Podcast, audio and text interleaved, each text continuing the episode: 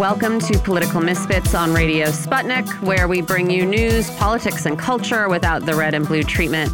I'm Michelle Witte. I'm here with John Kiriakou. Made it to Wednesday. Lots to get into. Wednesday.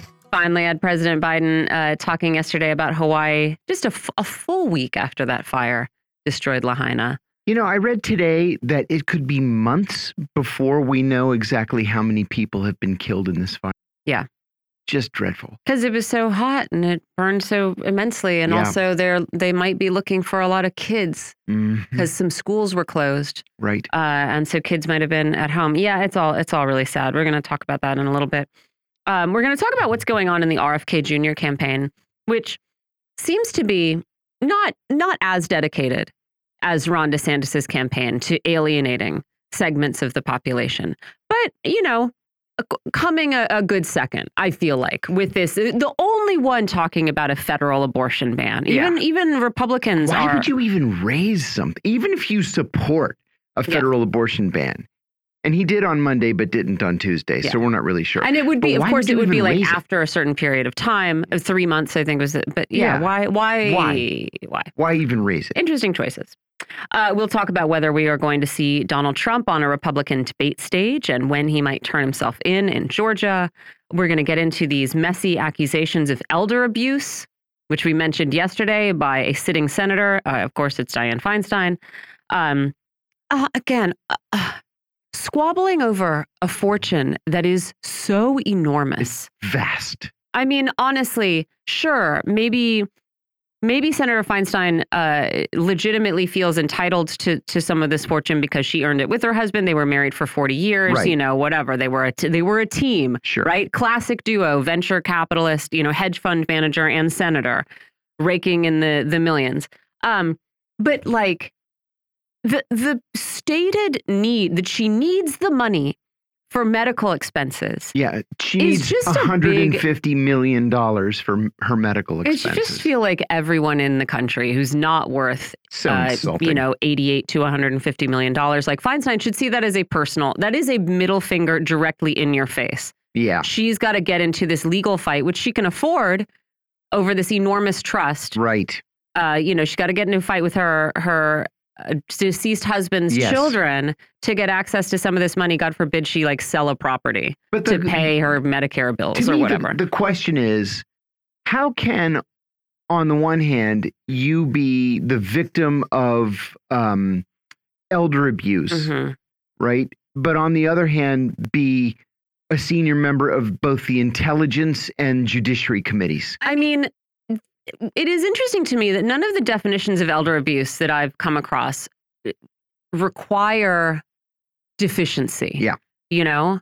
Yeah. So it's just a way to, it's, I guess, like child abuse. You know what I mean? It's just a way to sort of specify Sure. that we're going to call this a particular crime. But I mean, sh- un, uh, you know, underlying this is, I think, a sense of vulnerability, right? That's why child abuse isn't just called assault Sure. you know, because children are vulnerable and we think that's a, a worse crime than to just punch a grown man in the face, right? And there's also, uh, you know, I, I think the idea of elder abuse, certainly, even if it's not stated, must rest on the assumption that elderly people are uh, particularly vulnerable. But then, you know, if you consider yourself to be in that category, yeah, again, why are you insisting on representing uh, the state with the sixth largest economy in the world? Yeah, you're exactly right. It's gross. It's gross. And we should all be personally upset about it. Uh, we're going to check in on what is happening in East Palestine, Ohio. And we will ask whether that disaster carries any portents for what is going to happen to the people of Lahaina, right? After everybody goes home. you know, may I interrupt you on that point? Uh, No, I, I, I, I have I do this, that every uh, time. I have this uh, TV show called The Whistleblowers that I do on RT. And um, yesterday I interviewed uh, a whistleblower in the uh, train industry. And he was fired recently because he's been speaking out on a wide variety of safety issues related to uh, to the railroad industry, including East Palestine. And I asked him not just how can something like this happen in East Palestine, but how can we have three derailments every single day in the United States? And he said it's because of the consolidation of the railroad industry over the years. that the the major train companies, and there are only four or five of them, Yeah. are so powerful and so wealthy and have such armies of highly paid uh, uh, lobbyists here in Washington that no one dares challenge them. Yeah. And they can do literally anything they want. And that's why we don't have appropriate safety oversight and these derailments and, frankly, poisonings like we saw in East Palestine. I mean, this is place. it reminds me, of course, also of the agriculture industry. Uh, it, yeah, yeah, sure. Why we have these the airline industry, Why even keep these anti-monopoly laws Yeah, on the books? they're jokes. just to blow dust off them and look Mhm. at them once in a while. Why not just formally trash them? That's right. Ah, it's disgusting. That's right. I get mad at the agriculture industry because, of course, you know, it's this sort of um, hyper centralization and Mhm. hyper efficiency Yes. that means you have to uh, kill tens of thousands of animals Sure. if they get a tiny bit too big to go Right. through your uh, disgusting process. Or if they're born male, like with chickens, Yeah. and you just throw the male chicks into a grinder Ugh, and use it for fertilizer. Yeah, cool. nice. No, cool way to live. Uh, we're going to talk about this fight that's coming over continued funding for the war in Ukraine, which is getting uh, less popular among American people, Mm. But remains popular among a certain segment of the U.S. Congress. Pretty big one. We'll talk about some new data on how Jeffrey Epstein helped craft the laws of the territory where he lived to his own benefit. So the Virgin Islands in 2011 hmm uh, rewrote their sex offender laws to bring them into compliance with sort of federal standards. And who was there but Jeffrey Epstein's lawyers and advisors to help Nice. insert language that was beneficial to him, including uh, the possibility of extending this waiver. I mean, maybe other states have an option for a sex offender waiver over other heard territories. of a sex offender waiver. a little waiver so you don't have to do the things that you're supposed to do if you're a sex offender, like register where you're going Right. and, and that kind of thing. Never heard of a waiver. Very funny. Not for sex offenders. Uh, we'll get into a, a little bit of how the rich and famous control their online images. We're going to talk about these assertions that the U.S. soldier who who bolted into North Korea did so because of discrimination in the United States. I'm going to state my position. I I think two things can be true at once. I don't. Mm, not much leads me to believe that this was like a premeditated plan that had to do with like his eyes being, you know, the scales falling from his eyes about uh, d- discrimination and, and disillusionment with American society. Right. But all those things can be true at the same time, right? right. I mean, I'm never going to argue against, Independently of d- one you know. I, hella disillusioned over here, right? Many legitimate complaints about American society. I just, I don't know that those were the uh, propelling factors in that moment because I still think this guy seems like a little bit of a uh, Right. wild card and a jerk. But you know, who knows? I could, I could be wrong. I think it's a case of two things true at the same time. Um, so uh, as I mentioned, Joe Biden did talk about uh, Hawaii yesterday, Mm, finally. and it's. Have you looked at a transcript of his remarks recently? Only because the New York Post made sure to publish a transcript of his remarks. Man, He couldn't think of the word Maui. yeah, he does stumble a lot. Got the name of the FEMA uh, administrator wrong. Wait, I mean, only wrong in a tiny way. So, uh, okay, who needs to know the name of the FEMA administrator that you're going to mention by name in your Right. speech? Yeah, really stumbles over every number. Uh, yeah, just uh, I actually, you know, I, I commend the White House, WhiteHouse.gov, for not seeming to edit these transcripts too much. You do have every stumble and every sort of subject verb uh, discrepancy, and him saying, you know, we got to make sure we got all they need, and you know, uh, all this stuff. And he did again uh, slap himself on the back about these seven hundred dollar one time payments per household by FEMA to residents of uh, you know displaced residents so they can do the immediate things like getting medications and prescriptions they so badly need. You know how fast if you have nothing, you know how fast $700 goes? I mean, again, like this is, it's been a week, that's gone. It's gone already.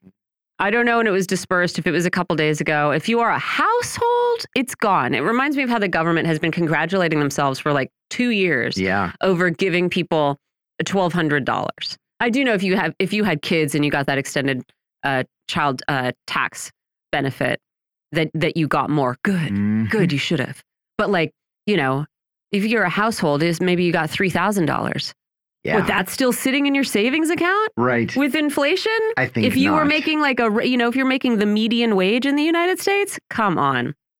Yeah. We're going to talk a, a little bit about that, that later. And, uh, you know, I think it will be interesting to hear what is what is going on in East Palestine. Mhm. Uh, I, I we're going to talk to Margaret Flowers, who interviewed uh, a resident there and someone who heads this new organization that's sort of pushing for for unity among victims there and pushing to sort of keep this in the public eye. But one of the Mhm. things that she did say in that interview is that um, Norfolk Southern, which is the railway that was behind this derailment, um, that they are making things beautiful. Like they're they're making a big new park. Right. They're putting on like fairs and Yeah. things like that. Right. Which doesn't make the water any less poisoned. No, no, and doesn't make the railroads any more regulated right. and doesn't give rail workers any more time off or more training or more staff or Mhm. anything else. But sure, we'll drop, we'll, they're building like a $100,000 park or something like that. And uh, yeah, we are going to, uh, you know, one of the things that they're pushing for is long term health insurance, long term uh, health care. Right, which of course I think is going to be really necessary because who knows? Maybe maybe all of this exposure is not going to result in any long term illnesses. But the way that people are going to know that, and the way that we're going to know if it's the opposite, is if they are able to get regular screenings Right. for for the kinds of things that maybe you could expect as a result of this exposure. But you've got to pull teeth sometimes to get health insurance to pay for this kind of stuff. Yeah, and so the fact right. that they've got to they've got to keep agitating and asking for this, while you know, and I did. I did not forget to make this comparison, producer Ben, but producer Ben has also helpfully noted that uh, Havana syndrome victims got $187,000 payouts. And uh, I mean, I guess we trust producer Ben and uh, and and health insurance, right? Long term, pro the promise that their health care would would be covered, right, till till the end of their lives, and that is the comparison I made. That's a that's a made up thing that isn't real. You can't give the residents of this town. I mean, again, everyone should be able to get all the cancer screenings they want anyway. But the fact that they are having to, you know, the fact that we live under this system, or our healthcare is so uh, cruel and designed to exploit us rather than care for us. So, so like different segments of the population have to yell and howl and prove that they were made vulnerable before you can get the kind of care that is just a matter of course in other countries. Whew. Wow. Hey, do you want to hear something interesting, John, that I Hmm. came across? Um, so the Intercept uh, and Nick Turse in particular, he he is the guy who wrote this story about the explosion of violence in Niger. Yes. I think the story was from like a year ago. We Right. talked about it at the time because he it is kind of fascinating. predicted all this, right? Well, yeah, because he's been there. He's reporting on it. He's also he was the first who I saw reporting about U.S. trained officers being involved in the Niger coup uh, and other coups. And now he is discussing some uh, new research that suggests that soldiers with U.S. training are more likely to be involved in mutinies and less likely to care about human rights Oh my God. which is pretty interesting. Uh, U.S. trained officers in Niger have been appointed to head five of eight regions in the country. The Pentagon is aware of this, and they're just saying uh, anomaly. right. Sure. Our training has nothing to do with it. There's no correlation between the training they received and their activities, which is not actually conclude. You know, they're they're not showing their work there. But he cites this research by a woman who is an assistant professor of politics at Brandeis University and also a former Defense Department analyst. She looked at Liberia, and I will qualify this by saying she looked at Li- Liberia and did what is described as a, an inventive experiment that involved a survey. So we're talking about a different country, and we're talking about an inventive experiment, which could be inventive in a good way or in a bad way. Sure. She surveyed these uh, soldiers that have been trained by the United States. Um, and, you know, this training includes uh, emphasizing liberal norms, socializing the Liberian military to respect human and civilian human rights and civilian authorities, as well as, you know, these tactical skills and whatever. Uh, she found that respondents with U.S. training were significantly less likely to express willingness to prioritize human rights, as well as somewhat less likely to express absolute support for democracy, and somewhat more likely to express support for army rule. When competing, when faced with competing liberal norms, U.S. trained soldiers prioritized military cohesion over human rights and democratic principles. Uh, those without U.S. training were significantly less likely to express support for one party rule. Unbelievable. Yeah. And so she's saying, like, you can you can give soldiers uh, tactical and operational skills, and that makes their military forces more competent. But that doesn't transform any other institution in the country or even the institution of the military. So it doesn't necessarily make you more professional. It doesn't necessarily make you more subordinate to civilian authority, especially if you perceived that authority to be corrupt or illiberal or weak. Mm -hmm. um, and certainly, you know, in the case of Niger, there is certainly a, a section of the population maybe the majority, certainly not all of them, but there are quite a lot of people who are quite happy to have what they perceived as a, a corrupt president gone, right? Mm -hmm. And so we will mm-hmm. see how they fare under this new government. Um, but, you know, I feel like what this invites us to do is, again, reflect on the actual results of U.S. military training and looking at those results, then reflect on the actual goals right? You look at the armies that we have been most heavily involved with, look at Colombia, right? Right. Not winning any awards for human rights concern. From the beginning. A couple years ago, there was a very good documentary about what uh, the UK trained soldiers in Sri Lanka got up to and whether they were uh, better or worse at respecting human rights after they got a bunch of UK uh, training and military equipment. And so, you know, again, we look at what the actual effect is and I, you know, I don't know that I'm any smarter than all the analysts they've got at the DoD. Who, you know, usually when you launch some kind of, of program, you have a series of metrics that, mm -hmm. that you're mm-hmm. supposed to meet. Mm -hmm. So they must be looking and going, oh gosh, they were supposed to become more professional. They were supposed to become more respectful of, of human rights and civil liberties. Maybe we should reevaluate this program. Maybe we should do something differently. And if they're not doing that, then they have different goals. You know, and we're the ones who have the congressionally mandated human rights report every year. Mm -hmm. We have mandatory human rights training mm -hmm. when we when we uh, train foreign militaries. Uh, we have uh, the mandatory training that came in the aftermath of the Abu Ghraib uh, torture scandal, mm -hmm. and mm-hmm. none of it matters in the end. No. None of it matters. And you know, part of it, part of the problem, I think, is the fact that we're all taught, whether it's in the, the intelligence community or the federal law enforcement community or the military, we're taught that we are the good guys, right? Yeah. It's very black and white. And there are good you, guys and bad guys. Yeah. And so what we do, because we're the good guys, is good. Yeah. And if we do a bad thing, it's always by accident. Uh, if yes, you set and, the stage we'll as we are the good guys, right? Everything we do is inherently good. That's if we do right. a bad thing, it's by accident. Never mind this like long chain of bad things and bad effects. Exactly right.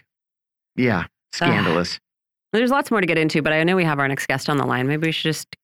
I think we should just go into it. Democratic presidential candidate uh, Robert F. Kennedy Jr. seems to be stuck in both national and state polls at between 10 and 15 percent against President Joe Biden, who polls at about 65% or higher.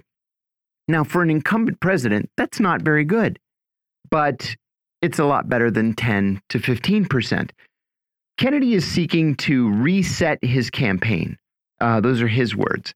But he seems to be doing so, so in what I would consider to be an odd way. First, he made sure to tell voters that he couldn't possibly be any more pro Israel.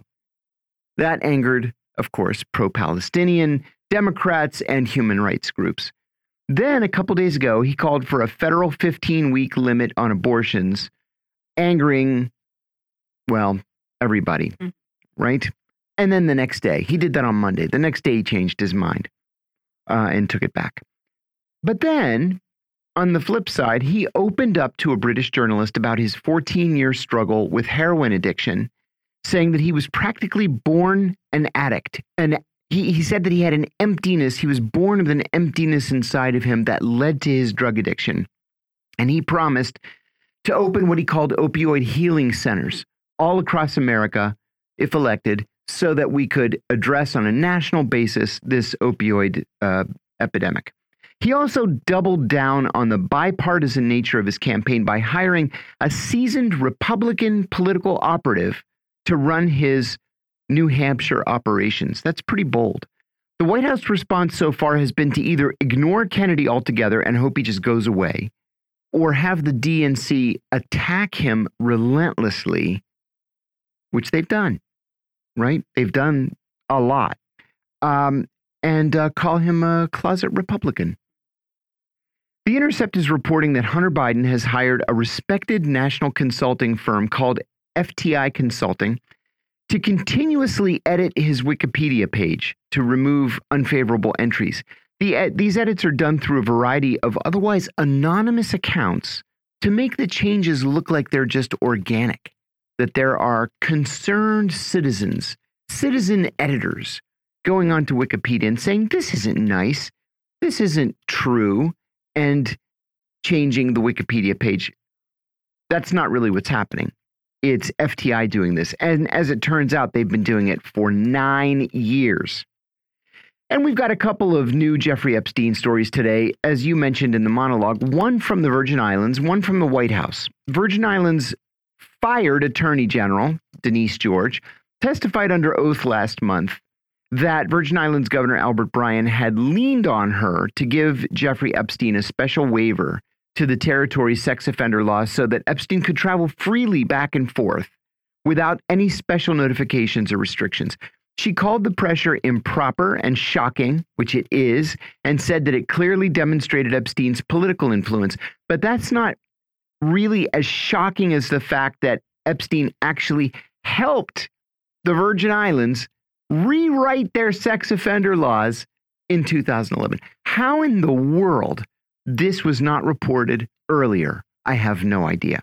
The Virgin Islands rewrote their sex offender laws to comply with federal standards, which alarmed Epstein. So his lawyers and advisors jumped in to help massage language in the laws, even working with the legislator who was advancing the legislation through the uh, through the uh, parliament, the local legislature.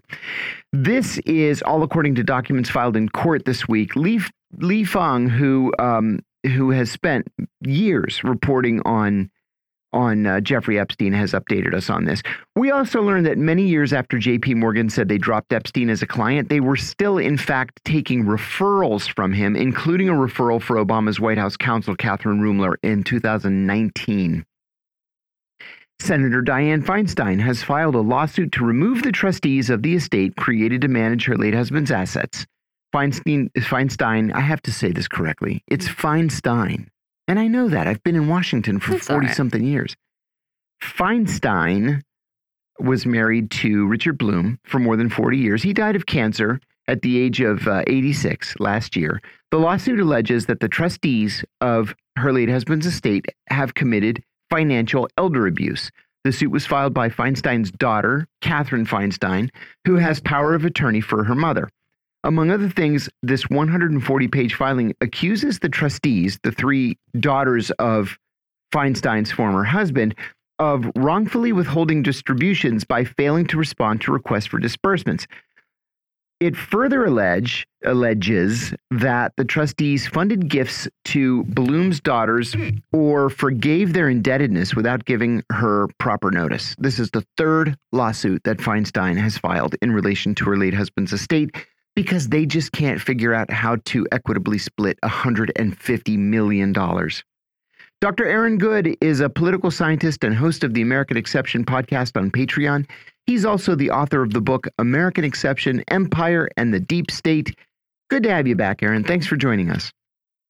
Hey, thanks, John. It's great to be here. Thanks for joining us. Let, let's start by talking about Bob Kennedy. I really like the guy personally. I like him, I respect him, but I find myself, Aaron, disagreeing with him more and more and more on the issues, especially issues like abortion now and Palestinian rights. He seems to flip flop a lot, having to issue corrections when he takes a stand on these big issues.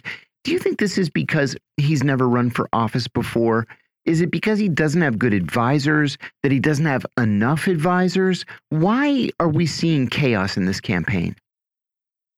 Well, the uh, the recent abortion thing is kind of is strange. I don't have a uh, the I don't have an explanation as to exactly why he said what he said, but I have to think that he miss misspoke and perhaps misunderstood exactly uh, right. some aspect of the issue or the question at the moment. He was it wasn't as though he had gone into a press conference to talk about his abortion position or anything like that. It was right. A, it's a busy sort of a scene, and it's kind of weird the way it was written about in other articles. You you don't even really get a sense of the quote. Like it, it really they make it sound a lot different as though he had issued some sort of uh, statement on this when it was more like he in the process of being uh, questioned about this he takes a he misstates his position and then sort of expands on it and he ends up saying uh, you know taking a very strange position that isn't really his or the campaign's position so i don't So know the- exactly what It's the- happened the, there Biden process. Yeah. On the Biden Yeah, process I on mean, China.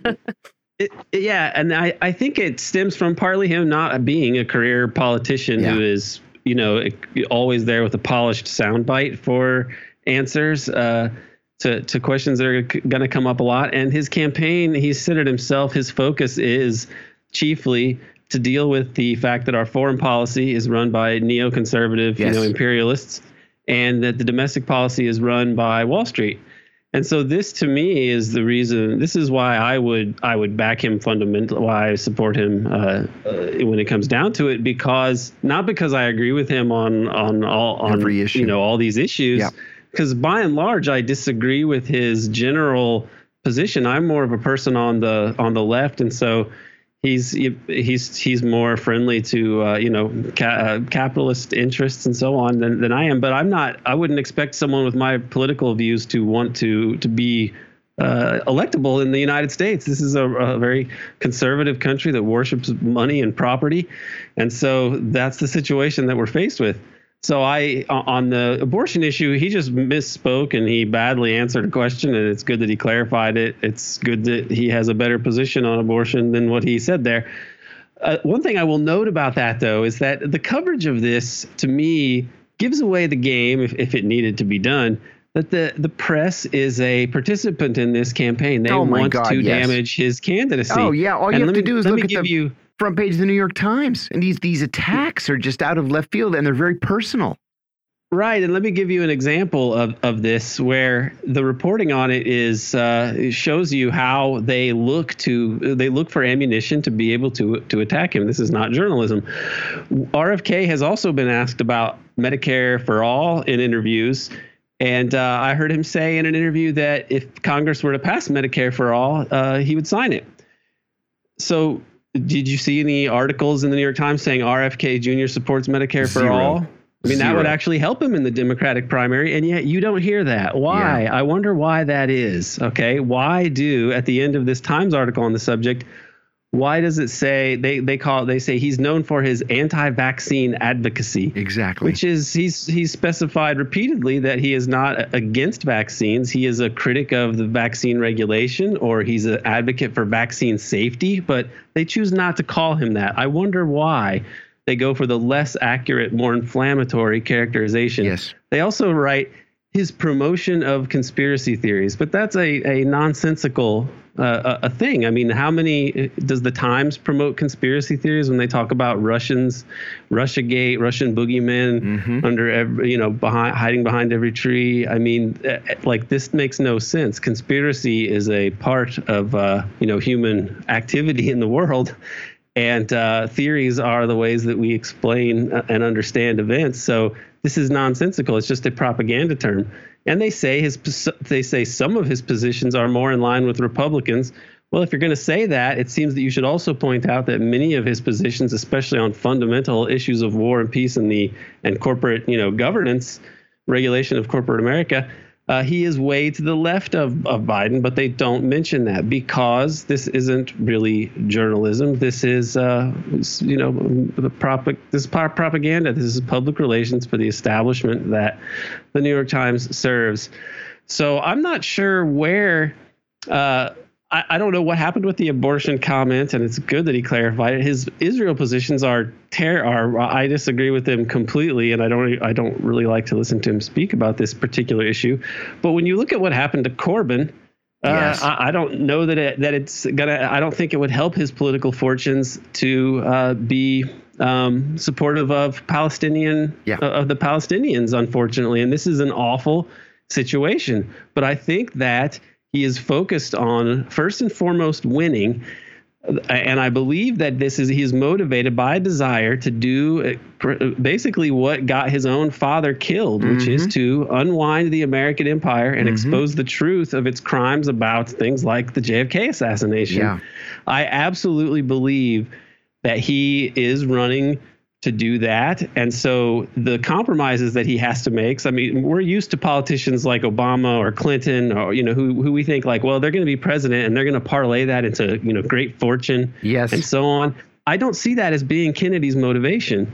So I am more forgiving of his opportunism with certain issues potentially. I mean, I don't really know what he really believes about Israel, and I'm not going to drive myself crazy trying to really figure it out. You know, like what does he think in his heart of hearts? The point is, like, you have to make compromises in this system because it's such a corrupt and really sinister imperialist system. And so you have, if you just tell, if you just take the, you know, correct position as a leftist, you would have no chance of winning whatsoever. Yes. But if you win, you have a chance to uh, peacefully unwind the empire without unleashing nuclear doomsday, which mm-hmm. is a mm-hmm. distinct possibility uh, w- given the course that we're on. And so I'm I can overlook disagreements that I have with him because I believe he is sincere about this most important endeavor that humanity could be engaged in right now, which is unwinding the you know, hum, human human existence threatening U.S. empire. It's as simple as that.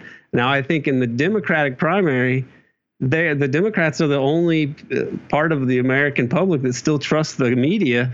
He he's actually trying to campaign among his least supportive, uh, you know, population, and so. I, I, a lot of what he's doing to me makes sense if he is setting up for an independent run. Yeah. I don't know that that's what he's doing, but I mean, a lot of his things that he's doing that have you scratching his head make more sense if you think that he is preparing to leave the Democratic primary. And the Democratic Party, don't forget, argued and won in court saying they don't have to have a fair primary process. No, they I don't care, and they don't so care what anybody says about it. Yeah, that's right. I got a kick out of the Intercept's uh, report that Hunter Biden nine years ago engaged FTI Consulting, which is a major national consulting firm, to constantly edit his Wikipedia page to make it as pro Hunter Biden as possible while still looking like random private citizens were the ones doing the editing. Lots of rich and famous people do this. But in light of what we now know about Hunter Biden, it seems like a disingenuous waste of money why bother with something like this? And does does this even really matter as an issue? Do you think? Does anybody care what Hunter Biden's Wikipedia page says? Uh, I mean, the Wikipedia, if you are a person who is a critic of U.S. foreign policy and especially uh, on controversial issues like, you know, political assassinations and, uh, yeah. you know, intelligence connections to drug running and so on, you know that Wikipedia is unreliable. You could basically call it CIApedia. Yep. But another way that it's it can be manipulated is through the use of these PR firms and such. Uh, and so Hunter, whether this is going to help him or not, who really knows? Uh, I, I think – they tried to cut him a sweetheart deal and then they changed that deal eventually because some Republicans got angry and who knows what's going to really happen to him. But it says something about, I mean, the fact that he is able to do this, that he has the money to be able to do this, that his dad's the president, there's a lot we can glean from this. Mm-hmm. I mean, mm-hmm. that's a lot of PR work to do for a firm uh, to deal with a guy who uh, is you know has uh, been involved in graft and uh, has had uh, some children out of wedlock with uh, you know uh, dancers, exotic dancers, let's say, and who has been on tape doing sexual things and was performing sexual acts that he wanted to record on his laptop, along with him smoking crack at different times. I mean, this is a guy whose image uh, the PR firm is going to have their work cut out for them. So it's but it's it, not surprising that he would do it, but it all points to the sad state of our of our uh, re, the regime at this moment. I mean, this guy's the son of the president. No, I mean, I think that's the that's the the bigger issue, and it's related to the the relationship between the press and and RFK Jr. Right? I mean, Wikipedia. Yeah, if you if you are someone who is like interested in foreign policy and follows, you know, what happens to people like uh, like Max Blumenthal or Aaron Mate on, on Wikipedia, yeah. then you are aware of its limitations. Yeah. Mm -hmm. But to the to the general public that maybe is not as uh, as as personally interested in these issues, Wikipedia is just where you go to see what you know. It's sort of publicly edited. It's you know like you should double. I think there's the perception that the information's probably good, probably pretty complete. You should double check it, uh, and that's about it. And so it is about also sort of um, co opting these institutions, right? And controlling the institutions that are supposed to present information to the American people, mm-hmm. right? Like the press, like Wikipedia, and the ways they do it, the ways, you know, and the, and the, you know, uh, huge for profit companies that exist to do this work. It's all, you know, it's, it's sort of, on a personal level for Hunter Biden and for us, sort of silly, but on a macro level, like for the nation, uh, pretty destructive. Yeah, I mean, it, it contributes to uh to the to the dis to the disinformed public. I mean, to the disinforming of the American public, and uh, it's just one part of it. They're they're professionally and perpetually disinformed and misinformed and misled. Uh, and Wikipedia is a, is a part of that, and I think it was probably set up to be something like that because the way that it's supposed to be free and open and anybody can do it is like so perfect because it's kind of a uh, microcosm of like the free press in the United States. You know what I mean? It's like, okay, it's anybody can edit it, but who really is going to have the wherewithal to have a bunch of people editing articles on different subjects? Mm-hmm. Like it's going to be just as everything else in the society, people with money are going to be able to take advantage of of the level playing field because a level playing field where the uh, in a generic sense, but where the participants uh, have you know ridiculous asymmet- asymmetries in terms of resources and time and so on. Yeah. That's no level playing field at all. So hence CIApedia. That's right. And you know, I remember reading. I don't hold me to the numbers, but I remember reading once that that dozens of IP addresses of Wikipedia editors traced back to Langley, Virginia. I, I saw that right. just in the last couple of years. A Grayzone, I think, reported on it. And maybe it was Grayzone, yeah. Aaron, I was yeah, very, Alan MacLeod has done really good work on that. Oh, uh, very good. So I didn't I didn't dream it or imagine it. I was very troubled by news that Jeffrey Epstein received what what amounts to to very special treatment uh, yeah, by the government of the Virgin Islands. He was treated with def deference by the government there. He didn't have to register as a sex offender. He didn't have to alert authorities when he was traveling or trying to enter the the uh, the Virgin Islands. What should this tell us about how we are actually governed in this country? And I don't mean this as a rhetorical question. This is a real question. What does this say about justice? Well, it points to the evolution of this system where certain actors can be involved in international business and finance and covert operations and uh, have a, a, kind of uh, immunity. Uh, they can operate as uh, sort of like I mean you have to take it to the unfortunately because this is sounds inflammatory, but you have to take it to like the theories that behind fascism the idea of the exception and that there's some sort of emergency, so you've got to allow the suspension of the law, but then it just gets institutionalized. Mm-hmm. And so certain practices of covert operations and legal immunity for, for actors connected to the state get uh, established and then they build on each other and then there's more and more more crimes and more scandals to uh, that you have to keep under wraps and then the, the exposure of these scandals themselves become a major national security issue for which you have to deploy even more, you know, uh, state power to protect. So it, it really is a whole uh, edifice of of criminality that that has built up uh, as along in tandem with the U.S. empire since the end of World War II. And Epstein re- represents, in some way, uh, the personification of this you know, in that he is uh, an international figure. You know, he seems mm-hmm. he and uh, Ghislaine Maxwell and her family they seem to have connections to like Israeli intelligence. Oh yes, and and UK intelligence, and of course the CIA, uh, which is the you know pr- the U.S. Uh, deep state presides over all of this, and uh, it, it's we're we're left uh, with the realization that there are people who are just above the law, and this is a part of the way that we're governing and governed, and we're not allowed to uh, see behind the curtain, and they're going to do what they do, and that they're going to keep reproducing this political order that uh, makes them richer and richer and keeps the rest of us uh, basically powerless and or in a state of uh, you know economic precarity uh, for a lot of us, such that we don't really have the ability to organize or do anything to overcome this and so his his he's a person who ultimately he became so inconvenient for them that they had to to kill him apparently uh, but it's still we're still left with the regime. So even somebody like him, the the scary thing is that he is actually kind of insignificant, and when it comes down to it, they can just you know murder him and get away with it.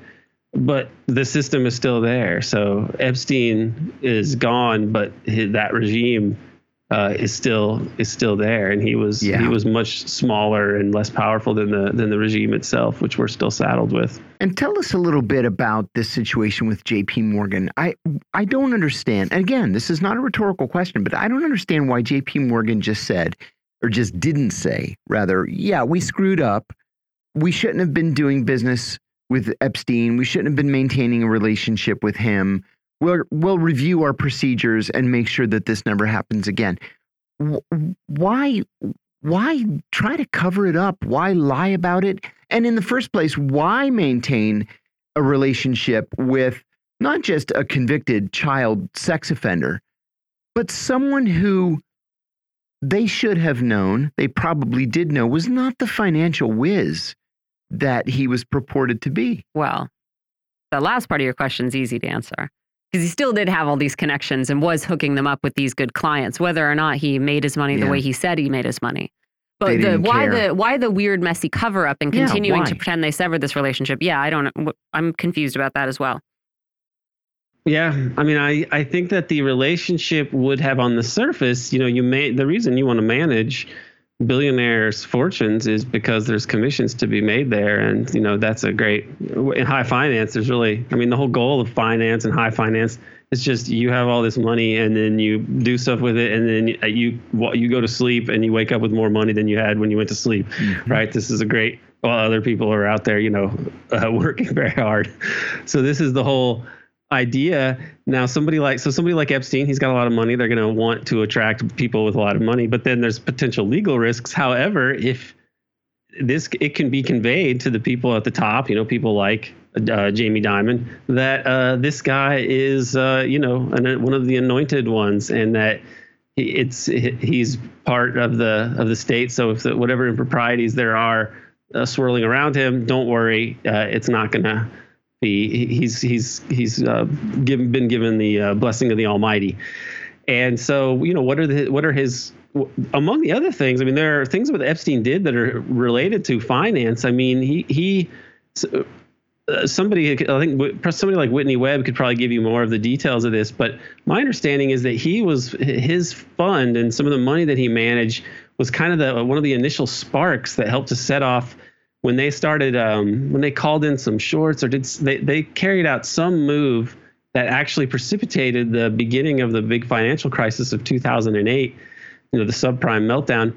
And i've always thought that that to me seemed like some kind of um, deep event or a, some some sort of structural financial structural deep event if i'm going to sort of uh, put this in peter dale scott's terminology in that it seemed that the timing of it right at the end of a of a presidency and then the final outcome of it which was basically a massive transfer of wealth to the American oligarchy of high high finance as well as a kind of degradation of the other country's dollar reserves just by Uh-huh. virtue of what it had to do to the global financial system that it actually seemed like a kind of financial warfare not just on the bottom you know the 99% of Americans but also on the the rest of the world really you know in, in a in a way so Epstein may have been dialed, you know, connected to a whole lot of very nefarious things uh, that we're that we're not uh, privy to because the whole system itself is uh, is astounding in the in the amount of uh,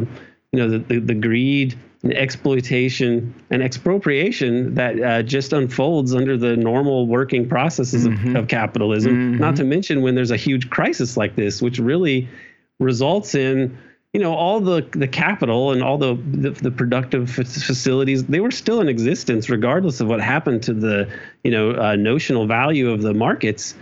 And who owned everything after when when the dust had settled compared to who did before. And it was really a massive transfer of wealth to the the, the pinnacle of uh, of the oligarchy. And so Epstein should be understood in that way. And uh, it all points to some serious reforms that we need to uh, to, to embark on. I also wanted to ask you about the latest situation involving Senator Dianne Feinstein. there's just been no good news about Dianne Feinstein for the last six months. She's involved in yet another lawsuit. This is the third against her three stepdaughters over her deceased husband's estate. That estate is worth anywhere between $88 million and $150 million. What puzzles me, though, is how, on the one hand, elder abuse can be committed against somebody who is already represented by both counsel and by a trusted advocate. That would be her daughter. But on the other hand, if Feinstein is so demented that she can't handle her own affairs, that she doesn't even realize that she took six months off to recover from encephalitis or whatever it was that she had after she caught shingles. How in the world is she supposed to handle the affairs of the nation as a sitting senator and as a senior member of the Judiciary and Intelligence Committees? What do you think? Well, I think uh, the frightening thing may be that she is able to perform the duties of a U.S. senator just fine because they are, uh, at this stage of the game, they are rubber stamps for uh, an American oligarchy of corporate wealth. Good point. Such that she doesn't even have to have the faculties you would need to like balance a checkbook to uh, function as a U.S. senator is supposed to function in this system, which is a little, which is a little depressing. Uh, beyond that, I don't. It, it's a her, you know her husband. I, as I understand it, he made a lot of money and things uh, related to the military-industrial complex and and so on. So she is someone who uh, is has taken advantage of the uh, you know the benefits of being a, a mm-hmm. part of the system. People in the Senate are generally extremely wealthy uh, individuals, and they that's are. the kind of system that they have. It, it's I mean, it's ironic because, of course, the Senate is, uh, you know, we associate that with Rome, and uh, that that I, I think is is appropriate in terms of the way that this uh, this plays out. And, and, as we are a decadent, top-heavy empire uh, whose greed and uh, lust for power has accelerated its own its own collapse, made it inevitable just as what happened to the Romans and uh, just as happens to every empire. Mm-hmm. I mean, you know, the rubber stamp thing made me think, of course, you know, Jeffrey Epstein and his advisors and lawyers being able to help craft the Virgin Islands uh, sex offender laws. I mean, very similar things go on in the United States. When you look Every at, day. I don't know, I don't remember the acronym for, uh, I remember the acronym ALEC. I don't remember what, but it's this uh, sort of uh, corporate front that helps craft legislation for, I think it's the American of, Legislative Exchange Council. Yeah, there you go. Yeah, so all she's got to yeah. do is stamp laws that the likes of her husband uh, pay mm -hmm. people like Alec to to help write. They're a very uh, illustrative couple, I feel like, mm -hmm. for for mm-hmm. how this country well, really works. That's free. That's uh, freedom and democracy. Under freedom and democracy, you have pedophiles writing the uh, sex offender laws, and you have tax cheats writing the tax code. Uh, yep. It's really a great system. Yeah, Wow, it's good to be the world's biggest and strongest democracy. It sure is. Wow. Dr. Aaron Good, thank you for joining us. Aaron is a political scientist and host of the American Exception podcast on Patreon. He's also the author of the book American Exception Empire and the Deep State. I have a lot of other things we can talk about. Yeah, a I have lot. a couple. I have a couple of stories that I wanted to tell you. One is just uh, remember at the very end of the show yesterday when we said, "Boy, this uh, trailer for Bradley Cooper's new movie, yeah. Maestro, about Leonard Bernstein. I read more about it that's afterwards. A, that's an interesting prosthetic nose that he has chosen to wear to yeah. play this uh, this Jewish composer and conductor. Composer and in also, side by right? side photos, this prosthetic nose is way bigger it's way than bigger the nose than that Leonard Bernstein ever nose. had. I know. He was such a handsome man with such a beautiful, you know, I, do, I love a big nose on a man. Uh, but it doesn't look anything like it right? It no, just doesn't. Nothing. He also looks like he's wearing a, an extra pointy chin right. thing as well. I don't know. Um, and someone has pointed out online that Bradley Cooper played the Elephant Man on Broadway without prosthetics. And I'm sure it's because yeah, it would have been offensive to like say, let me yeah. look, let you know, let me let make me, myself look at yeah, this freak, this right? Who had whole, his whole yeah. life to defend the fact that he was a human being deserving of dignity. And uh, if I haven't watched the play, but I did watch a review of it that sort of showed some uh, sections of the play, and yeah, they, at some point they like there's an image of the Elephant Man, right? So you understand what he looks like at the sort of uh, the, the pinnacle of the progression of his disease, and then you see Bradley Cooper, and you know to play him, he sort of you know he puts on a limp, he kind of talks, you know, twists his face up a little bit when he talks, but people are it's, it's understood that people can sort of suspend their disbelief. Yes. They have the image of what this man looked like in, in their brains, Right. and then they can watch Bradley Cooper por- portray him to, I think, um, some critical uh, accolades, but He's apparently not possible actor. with, with Leonard You Bernstein. got to put on a you couldn't possibly nose. like have a picture of him, you know, a picture of him and his wife at the beginning of your movie. You have to put on this like weird. I'd like to know who the pointy nose. producers are. It's surprising. It really is a. I know he's the, It's a very surprising choice. he's starring in it, he's directing it, and he's and he's one of the co-writers. hmm I don't know who the producer is, Yeah. and I don't mean the executive producer because it's probably him. I'd like to know who the actual producer is. a whole lot of Like, whose decision was this? a whole lot of people said, "Sure, we're fine with that. We're Wow. fine with Yeah. that." That's right. Yeah. That's right. I And wanted to say You also want to say there's no no Jewish people in his Hollywood production company? I mean, I'm not trying to fall into seriously, right? stereotypes here, but sure, for sure, there are some Jews in Hollywood who maybe would have encountered Bradley Cooper and said, you know, in case you haven't heard this perspective yet, perhaps reconsider. Yeah. I'm not trying to speak on behalf of Jewish people, some of whom might think it's perfectly fine to, you know, try to look like the person you're portraying, but just seems like Man, uh, it seems like an unnecessary choice. Yeah, I'm, per- I I'm just very perplexed that. by it. I wanted to say too that the Los Angeles Times is now reporting that um, you know there are 106 people dead in these terrible wildfires in Mm-hmm. Maui. There are still 1,300 people missing. 1,300 people. If God forbid these people are actually in the the ruins of the fire area, and I hope they're just like on the mainland on vacation or something and haven't called anybody. But this would make it the Haven't been able to call anybody because who knows to. if self service is even restored. we, yeah, which it hasn't been restored. But this would this would be the deadliest fire in American history, and that says a lot. We've had a lot of fires Mhm. over the years, uh, but it would be the worst one ever in American history. You Yeah. know, not to get too far afield, but No. I was I was writing a piece the other day about school shootings, and um, you know, in my mind, really bad school shootings began with Columbine. I, I knew that there were a handful before. I don't like Mondays. Right, exactly. So I went back to do the research. Did you know that the first school shooting was in 1796 in eastern Pennsylvania? Two Native Americans who believed that they had been cheated by a man who happened to be the local village school teacher. Hmm. They went into the one room schoolhouse, they shot him and Hmm. killed him. But then they took out tomahawks and they hacked all the children to death. Hmm. 14 children were killed. Sounds So because really terrible. they killed the teacher, it's considered to be the first school shooting in the United States. How nuts is that? Doesn't sound like a tale that was maybe embellished a little bit to make Native American people sound uh, particularly savage and scary. No, that sounds pretty I, monstrous. I mean, there are people, there are definitely people willing to kill children. I'll say. Uh, yeah. And Benjamin Franklin's newspaper, the the Daily Farmer, the Daily Almanac, whatever it was called, um, in Philadelphia, reported on it at the time. That's what it was based on. Uh, have crazy. you ever heard the story of the, I think it is the Bath school uh, disaster No. in 1927 when a man blew up a school in Oh, Michigan? In Michigan, Yeah. I I did read about this. yeah. Yeah.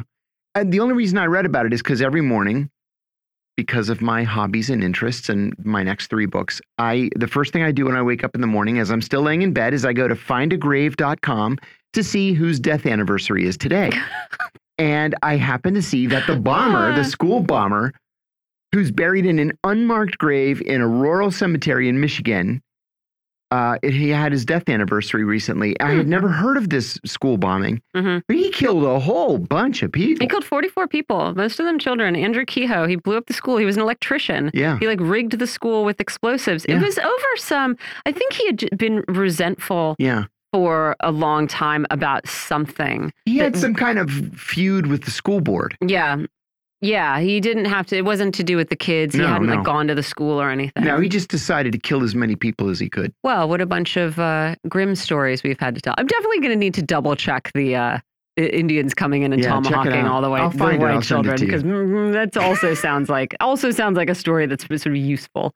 Um, there were some other things that I you know that I wanted to squeeze in. Oh, you know there is a really um oh there is a really sad story, but I will save that in favor of telling you a story about two. Uh, this story defines them as two American men. I'm going to call them two American heroes.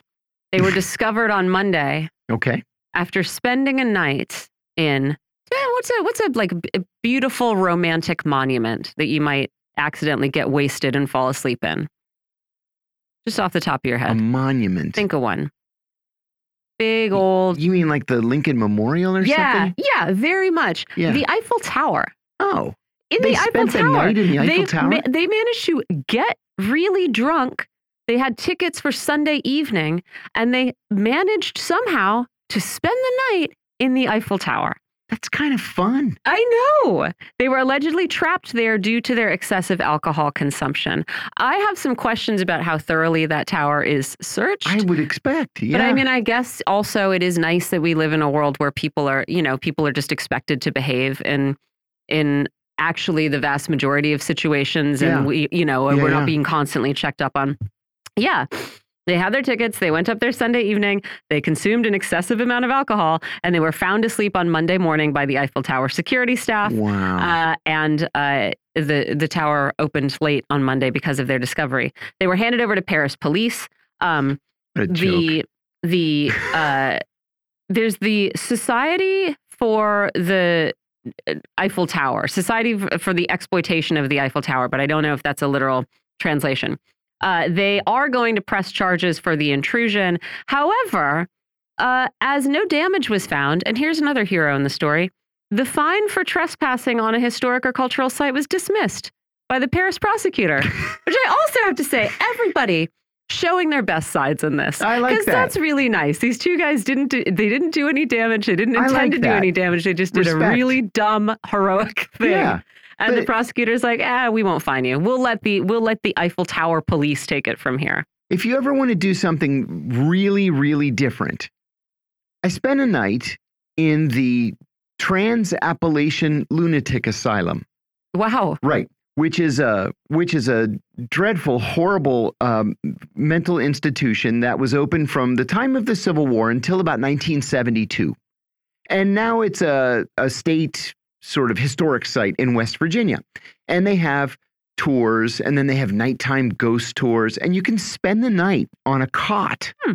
inside the lunatic asylum. Uh, I I didn't hear or see anything that was untoward, but you know, everybody you're so like freaked out by it. You have dreams that you can hear people screaming in the dark halls and stuff. that's terrible. It was very cool. I went with two of my sons. Yeah. They they wanted to go check it out, and it wasn't expensive. It was kind of a long drive. It was four hours. From Where here. is it again? It's in West Virginia. Oh, okay. The Trans Appalachian Lunatic Asylum That's wonderful. is the name of it. Very There's a fun. story that we might run out of time to get to, but I want to talk about it more. This is a subject that is uh it's sort of a pet subject of mine that I, it is so expensive to have a pet nowadays. Yeah, it I'm sure not is. complaining. I'm fine, but it just you know vet costs Mhm. and uh, associated costs have have even outstripped inflation. Wow. They've risen so fast. Wow. And so you have this now. Now that the all these sort of pandemic restrictions are res- retreat, retrieving, people are going Mhm. back to the office, whatever. Shelters are filling up really fast with people who can't afford their pets. And I want to talk about how this is yet another sort of small luxury taken Yeah. away from us, but because it's just too expensive. Awful. But that might be for the future. Uh, we're going to take a quick break now. We're going to come back in a sec. You're listening to Political Misfits on Radio Sputnik. We're live in DC, and we'll be right back.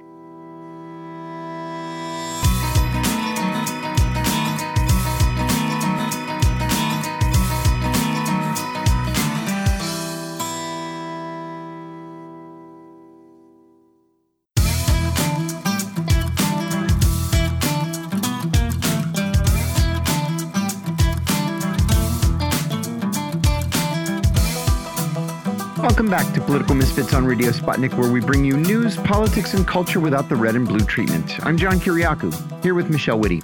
The split within the Republican Party over Ukraine appears to be growing into an issue big enough to divide the party going into the 2024 election. The House Freedom Caucus has called for the U.S. to cease its support for Ukraine and to end military aid to that country, all in the name of non intervention and fiscal responsibility. But neoconservative groups, including Defending Democracy Together and Republicans for Ukraine, are urging congressional Republicans to continue funding Ukraine ahead of what is expected to be a tough appropriations fight, especially in the House. A new CNN SSRS poll found that 55% of Americans oppose additional military aid to Ukraine, but that number is divided almost straight down party lines. The White House, the State Department, the FBI, and the Cybersecurity Command are warning about a rise in Chinese computer intrusions and hacking of the email accounts of State Department officials and members of Congress.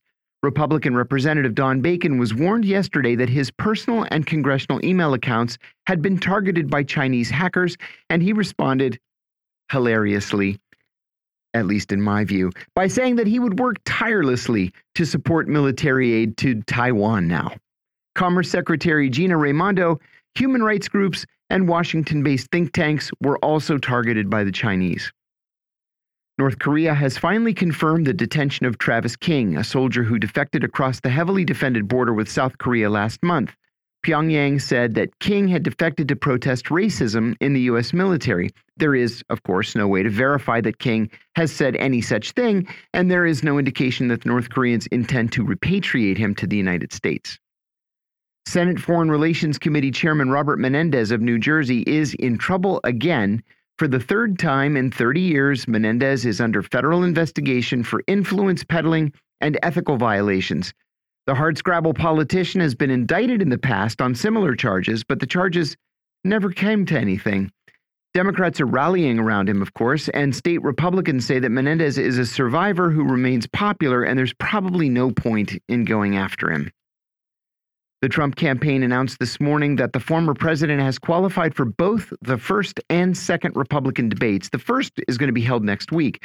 But Trump is the only Republican who has has refused to sign the RNC pledge to support whoever the Republican presidential nominee happens to be in the end.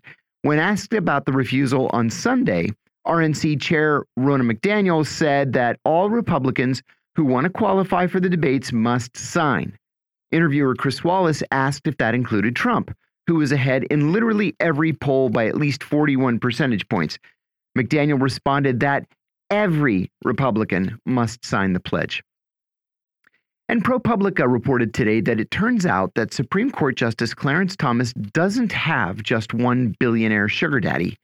It turns out that he has four billionaire sugar daddies who have given Thomas unreported gifts since he became a justice more than 30 years ago. These include at least 38 separate expensive vacations, free trips on private 737s and helicopters, tuition and apartments for his relatives, and luxury watches. ProPublica says that Thomas appears to have violated the law by failing to report the private flights, yacht cruises, and expensive sports tickets. Jim Jatras is a former U.S. diplomat and former senior foreign policy advisor to the Senate Republican leadership, and he's going to help us sort through all of these issues. Welcome back, Jim. Thanks for joining us.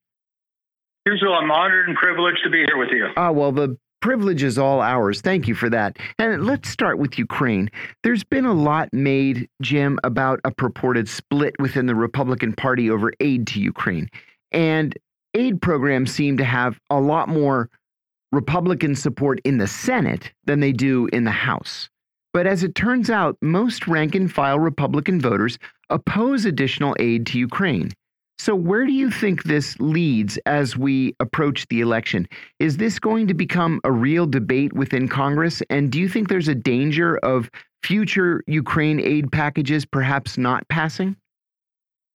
I think the answer to both those questions is no. I think you will have something of a debate in the House where they, the members are a little closer to the electorate, but this is really a division between the majority of Republican voters and the people in the House and Senate who are really working not for their voters, but for the moneyed interests, largely the military industries.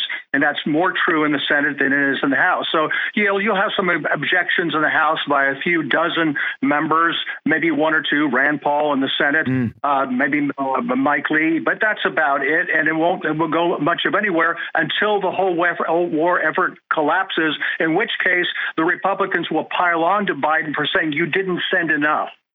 Oh, interesting. I hadn't considered that.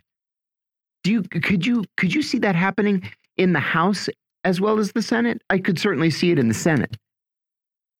Oh, but remember, let's see, let's remember that in the House, even it's it's still even a minority of Republican members in the House. True or bulk more aid. Right. So the establishment of the House, the majority of the members and the leadership is still going to be on the neocon line when it comes to this, and they'll they'll look for the cheap partisan advantage to say, "Oh, we were right all along in supporting you. You just didn't send enough." So it's his fault for not being militant enough. Oh, very interesting. Jim, we're hearing a lot about uh, Chinese hacking of Americans' emails, but mostly hacking activities against members of Congress, administration figures, think tanks, and human rights organizations. This shouldn't be a surprise. All countries do this kind of thing, all of them, including the United States. What should we make of all this, do you think? Is this a threat to the U.S.? Should there be a price for the Chinese to pay, or is this just a day in the life, you know, in the modern world? I think it's mostly a day in the life. I mean, yes, I think it is something of a danger, but you're right, all countries do this. I think we should keep in mind that the Russians and the Chinese, and I believe other countries, have proposed many times over the years that we should have agreements regarding uh, verifiable agreements, uh, verification mechanisms mm-hmm. to uh, set the rules of the road for this kind of thing, like we do with conventional arms or nuclear arms and that, and those those have been rebuffed by the American side because, of course, we play this game too. It's just that you know maybe the Chinese are a little better at it. Mm -hmm. When I was working on Capitol Hill a little bit more than a decade ago, I was the victim of a hacking attempt, and as soon as I saw it happening on my screen, I got under my desk and I yanked the internet cable out of the wall, and it worked. I, I ran down to the uh, to the uh, administrative office for the Senate Foreign Relations Committee. The IT guy came, said, Great, you did the right thing. You yanked the cable out of the wall. So my system wasn't compromised. But Senate security told me that these kinds of hacking attempts happen on the Hill dozens of times a day from, you know, dozens of different countries. I have no idea who tried to hack into my system. It could have been anybody. But in your experience on Capitol Hill, how big of a problem is this? And if the nature of the work on Capitol Hill is unclassified, right? You're not dealing with national security secrets. What kind of information are our adversaries looking for up there? Well, you know, I left Capitol Hill in 2002, so I'm sure this has developed quite a bit since then.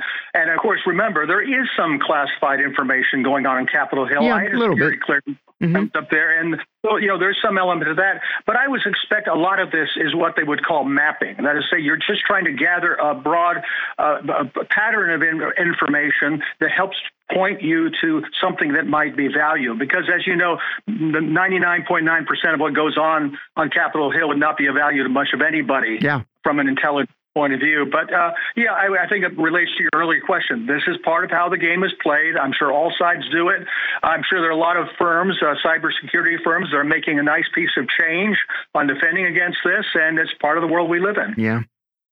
The North Korean government has finally released some information about Travis King. He's the young man who apparently defected last month.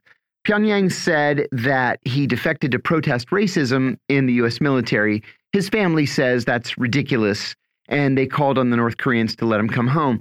These kinds of, I'm going to call them ill thought out defections, have happen every decade or two. How are they usually resolved? Should we expect to see King coming home anytime soon? Or are the North Koreans going to keep him there as a propaganda tool? I think it could go either way. I would generally expect him to come back relatively soon, but then again, obviously, you know, for whatever small window there was under Trump for improving relations with North Korea, that is not the, trend now. So uh, maybe the North Koreans have more incentive to keep him and use him for propaganda purposes. Why he actually went, as we recall from the media, he was facing disciplinary charges when he went over the line to the North Koreans. Um, I frankly would not want to be in his shoes because he's not in control of his fate anymore. But uh, I, I, think this could go either way. Yeah, I have to agree. I, am glad I'm not Travis King right now. Uh, he he is no longer in control of his fate. Uh, Bob Menendez. You and I know Bob Menendez uh, relatively well. He's a giant in the Greek American community. Um, he's the powerful Democratic senator from New Jersey. He appears to be in trouble again. Or is he in trouble again? I don't know, maybe not. He seems to slip out of the government's grip every decade or so. The allegations against him seem to always center around influence peddling, possible bribery, but he's never made it to trial. These cases always fall apart. Why do you think this happens? Is Menendez just one of those people who's comfortable walking on that that legal and ethical line between legality and illegality? Is he being targeted for political reasons?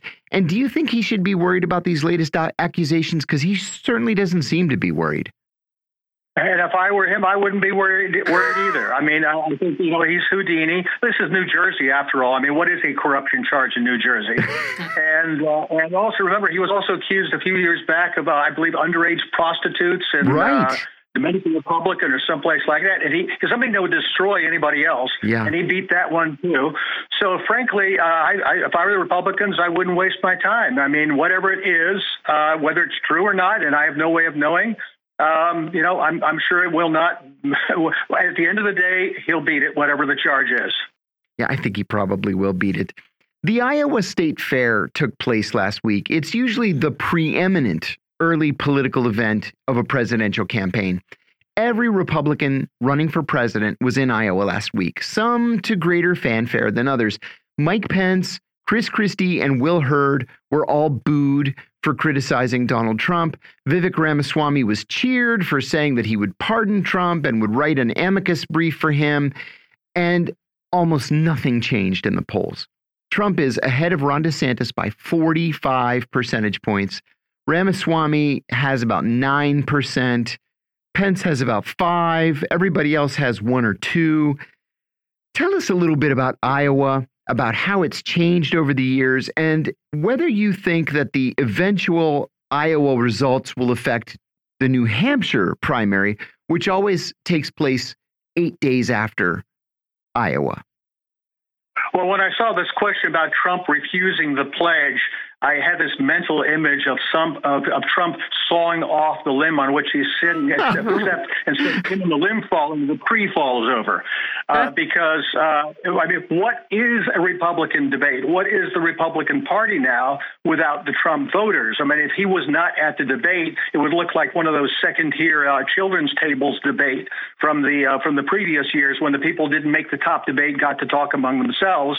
Um, you know, I think I think I I don't know whether he'll eventually sign the pledge or whether he'll continue to to say he won't sign it. At some point, the party will say, "Well, I guess we have to give him a pass on this," because uh, they they need him there whether they like it or not. As far as the way mm-hmm. Iowa goes, I don't know how much Iowa, uh, Iowa's electorate has changed. As we've discussed on a previous program, it tends to be a little more religious yes. than the Republican voters in other countries. You know, maybe you know Pence will get some kind of you know piety points from part of the uh, the electorate there, as opposed to Trump, who's you know not exactly a choir boy. So, but on the other hand, I think Trump will do extremely well there. Yeah. As we know, Iowa tends to give a premium on organization as opposed, you know, because it's a caucus as opposed to a primary. And, and as you point out, the electorate in New, New Hampshire is very different from the one you have in Iowa, especially since you have Very. over recent decades so many uh, Democrat, uh, so many Massachusetts tax refugees moving up to uh, New Hampshire and changing exactly the, the right. profile of the electorate. But anyway, in, in, any case, whether he's in the debate or not, I think Trump will do very well in Iowa and very well in New Hampshire. And people like uh, McDaniel just have to shut up and lump it. Well, yeah, let me ask you a follow up on that. I, I think you're right. I think that Trump is so far ahead. And I think that most rank and file Republicans are so angry about these prosecutions that they're rallying around him. Does he need to do what, what Ronna McDaniel tells him to do? Does he need to to sign this silly pledge? Uh, or does he? I mean, for all intents and purposes, he's the head of the Republican Party right? Bingo. Yes. Yeah, absolutely. He needs him. He doesn't need her. He doesn't need and, her. Uh, you know, but Trump doesn't need McDaniel. She needs him. He is, he's, as you say, uh, the the effective head of the Republican Party at the grassroots level, the voter level. He is the Republican Party. Mm-hmm. So this idea that she can tell him what to do is just absurd. You know, I saw a guy interviewed in uh, Iowa the other day. He looked to be in his early 40s. I'm going to say he had his kids with him and um, and he walked up to Mike Pence and he said, "Thank you for what you did on January 6th. You followed the Constitution. You're a good man." And Pence said, "Thank you. Can I count on your vote?" And he said, "Oh no, I'm sorry. I'm all in for Donald Trump." And I thought, and I thought, you know what? That's that's what these other candidates are up against even even if you don't like what Trump has said about you know women or about anything, right? He said crazy things about just about everything out there. They really are rallying around Donald Trump. I think I think that's right, and uh, and again, people like the you know the, the, the establishment in in Washington at the RNC and the Senate, they don't want to accept that fact, and there's really not much they can do about it except hope that whatever the uh, Democrats are doing to try to bring him down through these prosecutions and so forth succeed. But after that, I mean, how are they going to get those voters back into the Republican Party if they feel they've been complicit with the Democrats in bringing Trump down? Yeah, good point. Good point. Hey, I wanted to ask you about a piece that uh, that our producer Ben has uh, flagged for us. Either I missed it. Oh no, it was just posted just before we came in. Um, fascinating. You know, one of the unwritten rules of Washington is that everybody who's who not running for president, and most of the people who are running for president are really running for vice president, right? But the the important part of the unwritten rule is that you never actually say that out loud. It's considered to be bad form. So, with that said, Marjorie Taylor Greene said today that she's and she said this for like the third time now. She's open to being Trump's vice president. Yeah. Um, and she's happy to just announce it on the street corner or or in response to a reporter's question. It's funny because she's ordinarily so concerned about bad form. Yes. Right. yes. She would never call a colleague a name and exactly. get booted from the Freedom Caucus. That we're not allowed to say because it's on our little though, list I mean, of banned words. between her and Boebert. Yeah, exactly. Toss up. And she also floated the idea of running for the U.S. Senate in Georgia. So I'd like to get your thoughts on both of those ideas. Can you see a scenario whereby Marjorie Taylor Greene is the Republican nominee for vice president? And do you see Marjorie Taylor Greene as a legitimate Senate candidate?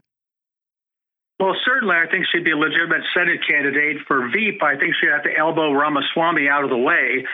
Yeah. Um, you know, when, when, you can Google it. When I announced for vice president in 2016, I think I was the first one in American history until that that, that copycat Jimmy Kimmel stole my gig. You know, but uh, you're right. This is something that has not been done historically uh, in America, even though, as you point out, most of the guys running are really running for vice president. I'm sure that's what uh, uh, what's her name? Uh, Nikki Haley is doing, sure. and a few of the other people out there. So at least I, I give Marjorie Taylor Greene, uh, you know, points for actually coming out and saying it. Yeah, she's honest about it. You know, one of the consistent themes over the last couple of weeks with Marjorie Taylor Greene is every time you see an article about her, it says Marjorie Taylor Greene, who was booted from the House Freedom Caucus after calling then fellow member Lauren Boebert a pejorative.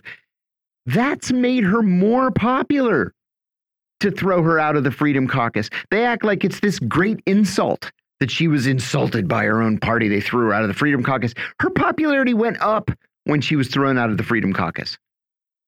I just don't understand. Well, I think, I think, I think there's a premium. Again, this gets us back to Trump. There's a premium with a kind of, uh, you know, shove it in their face perversity. I think a lot of times that Republican voters and maybe Democrats too kind of like to see spunk. You know, somebody says, "I don't care what you think, go to hell," and that does, you know, tend to that kind of in-your-face attitude mm-hmm. that does win a lot of people over, even if they don't not even all that clear what the issue was. I think that's right, Jim. In 1967. Supreme Court Justice Abe Fortas was forced to resign when the Washington Post reported that he had agreed to accept a $12,000 retainer to provide legal advice to American University while still sitting on the Supreme Court. Today, we learned that over the past 30 years, Justice Clarence Thomas has has accepted rather as much as 10 million dollars worth of gifts from four billionaires, all of whom have had business before the court. Thomas never reported any of the gifts, and he scoffs at the notion that he should resign or that he should even have reported them in the first place. Uh, this is the subject of a major investigation by ProPublica. I understand that the world has changed, but this seems nuts to me. What do you think about it? Uh, well, back when I was working in the Senate, I was part of the task force uh, shepherding through uh, Justice Thomas's um, confirmation. Oh, sure. Senate. And of course, let's remember, ever since then, you know, for, for him, uh, you know, it's been like the Democrats and the, you know, uh, the Democrats have been like Ahab and the Great White Whale, trying to to to, to get that guy. Yep. And uh, so I, I, I, I'm sure we can agree there's a political motivation here. Whether and, and let's keep in mind too the the very fine balance that's on the court. That you know, this the court is one of the few things with Trump's appointees on it is kind of a uh, a brake against total democratic control of the uh, of the federal government. So, getting uh, targeting Thomas as perceived a vulnerable member of the court, I can see that. Now, as far as the ethics rules themselves, you mentioned with Fortas that he was doing legal work. As far as I know, Thomas has not been doing that. Uh, you know, there's there is kind of a tradition of long-standing friendships. I don't know how long he's known these people. Uh, he claims he's never discussed court business of any sort with with these friends. So I don't take it for what it's worth. This is going to be a tough one because the Supreme Court is, you know, part of the judicial uh, branch of uh, of government, and um, Justice Alito said just what two weeks ago that uh, the court is not subject to ethics rules that are conceived in the legislative branch. Uh, Democrats in the Senate disagree with that, but this is this is going to be a, a fight. They can really do what they that's want. An, that's an important that's an important point, John, because it's not just part of the of the judicial branch under the Constitution, it is the judicial it is. branch. That's just correct. Like the the executive branch, and and in a sense, there is, if you will, judicial privilege of the court, just, just, of the court itself, not not the appellate courts, not the lower courts, but of the Supreme Court itself. Right. Just as the president has executive priv privilege right. that a lot of inferior uh, officials don't have. You're exactly right. Well, thanks for enlightening us, Jim Jatras. Jim is a former U.S. diplomat and former senior foreign policy advisor to the Senate Republican leadership. Um, you know, before we, rather than go to a break, I, I wanted to ask if you would complete your thought on uh, on the cost of having a pet. And the reason why I bring this up again, I was talking to Tyrel Ventura the other day, and he mentioned that he had had a medical emergency with his dog. Mm -hmm. Right, his dog had a medical emergency, and so he took the dog to one of these sort of urgent care mm -hmm. facilities for animals. Right, and he has insurance for the dog. Mm -hmm and it cost him still out of pocket $6,000. Yeah. $6,000. Every time I take my dog to the vet, I, for whatever, not for an emergency, yeah. right? But for like some shot, you know, like maybe she's a little bit sick. I don't right. know. Every time I take my dog to the vet, I steel myself to spend $500. it's not even, it's not kidding? always that much. But if it's less than that, I'm like, great. That's if a win. It, yeah. Yeah. I oh don't oh have pet heavens. insurance also because my understanding is really that it doesn't it doesn't really cover that much and you spend more for it. I mean, I probably need to reassess. No, I mean, this is something that has been on my mind for a while, right? As we watch the price of everything yeah. go up and all of these things that we used to uh, consider to be par for the course of different experiences in life. Like you get something to eat on a plane, you know, right? You can watch it. You you get a snack. You don't have to buy it. Yes. Like you can have some water or whatever. Those like any of gone. these stuff, it's all gone. You all have you have to pay for it. So all of these things that we used to just think were sort of part of normal life and to be expected. And, um, you know, it within reach is a possibility for a, a regular person, right? Not Yes. a member of the elite. Yes. And pet ownership was one of them. And yet, man, it's, you know, I mean, again, every time I take my dog to the vet, it isn't $500. It's never less than 200, right? And like, there are a lot of people for whom that's a lot of money, Sure it is. right? And you have to think about it. Sure. You have to maybe look at your your other other bills for it. Certainly $500. Certainly like if they need some kind of uh, surgery or any kind of invasive treatment or, you know, yeah, it can be it can get up to thousands of dollars. And there are places that will do um, subsidized care that offer cheap care, like humane societies uh, in, in different places. The Humane Rescue Alliance here offers cheaper veterinary care, which um, they credit for helping people keep their pets. Right. Um, so Otherwise, people might dump them or take them to uh, to a shelter and well, drop them off. Yeah, exactly. And that has been what has happened, right? You had this wave of adoptions over the pandemic when people were at home, when people had a little bit of extra money, and having a pet was not quite the burden that it has become a few years later. And so now, I think at the height of the pandemic, the rate of intake of animals in shelters uh, compared to the rate of outflow was like negative 2%, right? more Mhm. 2% more animals were going out than coming in this was back probably in 20 um I'm, I'm not sure i don't remember the date but it was a, a few years ago. Now that has reversed and there are 4% in 2021 um yeah that was in 2020 2021 it reversed 2022 4% more animals are coming into shelters than are leaving right? And this is attributed to a number of things right? But some of it is the COVID like pets. well, yeah, but I mean, it's not just people getting animals that they are not prepared to take care of. Certainly, that's some of it. I, you know, I don't want to fault people too much for for trying something, um, but they are also saying the the cost of having a pet has has gone really up. They have heavily outpaced inflation, according to this Vox article, because medical supplies have gone up. Wages have gone up. There's a vet shortage. There's a shelter worker shortage. And so all of these costs have gone up. And it just really feels like you know, if if you if you are making uh, you know an a, an average salary, right? Certainly, if you're making minim, minimum wage, but even if you're making anything that's not far far above it, you know, taking on another, you know, a, like one of life's little pleasures, Mhm, having an animal in your house. Uh, means also taking on the burden if you want to take care of them and you don't want to watch them die unnecessarily of maybe having to drop 200 500 $1000 when you go to the vet and you can cross your fingers and hope you don't have to go to the vet a lot. But like, what if your car, your dog gets hit by a car, Right. right? Or gets cancer, and you can choose to treat it or not, or maybe have what's his name, um, George Santos, organize a fundraiser for you and then steal all your money so your dog dies. Yeah, and so I think that it's really sad. And again, is it the most important issue in the world? No, but like, you ought to be able to be a middle class family and have a pet, and not constantly be deciding, you know, am I going to pay for my my uh, dog's treatment or am I going to pay my electric bill? Right. I just think I think it's really, I you know, it's like sports also, right? You used to be able to watch watch things on TV, Mhm. go to a stadium and watch a game, and now you have to choose to pay. Uh, for one or more of any number of niche streaming services that are offered uh, to to profit these uh, you Yeah. know a handful of big communications companies, right? You know, my And son. again, you to you should be able to just watch a game. that's- yeah, you used to be. My son. Now you um, got to pay two hundred dollars a month for internet. Yeah. my son's leaving for college tomorrow, and he said, "Hey, why don't we meet up in Pittsburgh in October and see a game?" I said, "That's a great idea. Mhm. Pick a date. I'll get tickets from StubHub, which is the one of the resell uh, venues."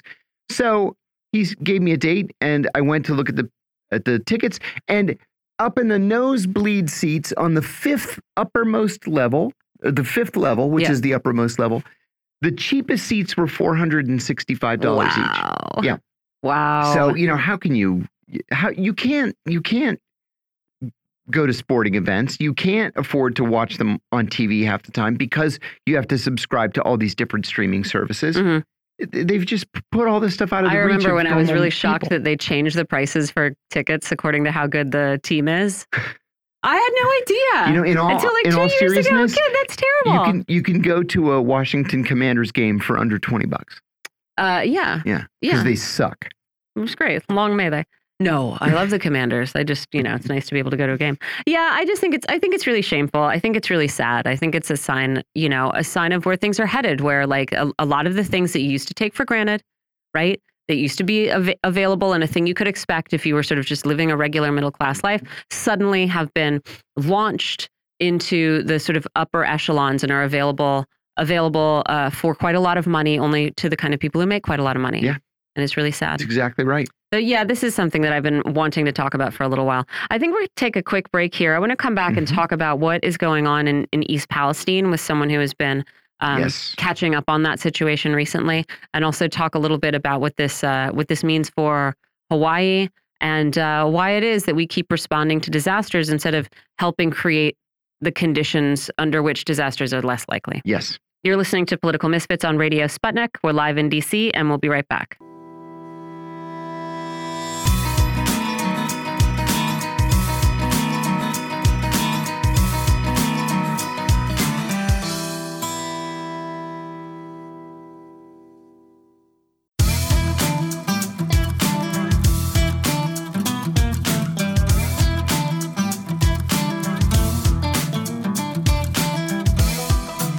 Welcome back to Political Misfits on Radio Sputnik, where we bring you news, politics, and culture without the red and blue treatment. I'm Michelle Witte. I am here with John Kiriakou. And as we said, we wanted to follow up on what's going on in East Palestine, the uh, site of a train derailment and chemical disaster a little over a year ago. We're joined by Dr. Margaret Flowers. She's a medical doctor, she's co director of Popular Resistance, and she's a member of the steering committee of HOPE the organization Health Over Profit, which works to achieve a national improved Medicare for all healthcare system. Thanks for joining us, Dr. Flowers. Thank you for inviting me. It's great to be with you. So I, I saw that you had followed up on the the uh, cleanup or not cleanup in East Palestine for your podcast, Clearing the Fog. And you spoke with uh, Hillary Flint, who's a resident of Enon Valley, Pennsylvania, and the vice president of this new Unity Council for East Palestine train derailment. And I wanted to ask, uh, you know, about that conversation and start with, you know, what did she tell you about about the state of the cleanup there and and whether people have been able to return to their homes and use local water sources and and resume normal life? Yeah, well, no, they definitely have not been able to resume normal life. This happened on February 3rd, so it's been just a little over six months uh, since that derailment. And what she reported was just a failure at every level local, state, and federal uh, from the beginning. And they continued to be failed. And, uh, you know, the the waterways are still very dirty. There's lots of videos you can find on social media of people you just overturn a rock or poke a stick in the creeks and it gets an oily sheen. Uh, people's homes have been contaminated, many who still can't return to their homes, and the chemicals have soaked into soft surfaces and even the wood in the home. So when there's a hot day, it off gases and they continue to be uh, exposed over and over again, but they're not getting the monitoring that they need to let them know, you know, when that's happening, whether it's safe, et cetera. Yeah, and I wanted to ask about that also. Like, does does she? Do people there feel confident in the cleanup? And and does it feel like you know either Norfolk Southern, who's the the railroad uh, on which the derailment happened, or the EPA or local officials? Does it feel like they are driving efforts to ensure that people are living in safe homes, or is it kind of the other way around? Because from what I heard, it sounded like, you know, people were having to take their own initiative to oh. uh, send their air filters for examination, for example. Oh no, absolutely. I mean, the stuff that Norfolk Southern is doing is all PR. Mm-hmm. So, oh, we're going to have invite you to a fair and you get free admission, or we'll clean your dog, or we'll clean your dog. But exactly, they had like dog shampoo day. You get a certificate oh or gosh. something. You know, so all of this stuff that really has nothing to do with the actual crisis. Meanwhile, people are not getting the financial aid they need to be able to replace the items in their homes, like their mattresses or their carpets or things like that, that are you know that are contaminated. Um, they're not getting, as you said, the testing. You know that um, there were only certain areas where they would do the testing, but people have been, you know, the contamination, especially after they burned uh, the the railroad cars and that toxic plume, I think people saw the photo of that, went pretty far and wide. Uh, where um, Hillary lives is five miles from the actual site. And yet, um, she had her home tested and found vinyl chloride and other uh, toxic chemicals in her home. So uh, people are having to, yeah, exactly, get their own water testing, their own soil and air testing, and and then trying to secure uh, air monitors inside their homes. This is all stuff that the government should be doing, not relying on a private corporation to mm-hmm. do, um, because we know they're going to skimp and lie. Uh, but the government should be seeking funds from Norfolk Southern and then overseeing a process of making sure people get what they need. Yeah. And I wonder, you know, how much of a difference would it make if President Biden declared an emergency in Ohio as a result of the derailment? I know the governor has requested that. Uh, the White House, I guess, has so far declined to do it. And so would, would that uh, go some distance to, you know, releasing the kind of aid that these people would find useful? It would make a difference. And, you know, that they had to pressure the governor even to request the emergency declaration, which is pretty maddening that these are folks who are now, you know, they've had their lives destroyed. They're trying to pick up and they have to fight for their needs. So uh, he did finally submit that a month ago. The president has not responded. But what that would do is it would then make it official uh, that that area would be declared an emergency site, would apply, you know, be able to qualify for federal funding and support. But Pennsylvania, which, you know, this happened right on the border with Pennsylvania, the state of Pennsylvania can't request an emergency declaration unless Ohio gets one. So huh. um, this is really a first step. And then also, you know, moving to try to get the kind of uh, health care that they need. They're talking about uh, pursuing uh, getting, as Libby, Montana did when they had a huge asbestos exposure there.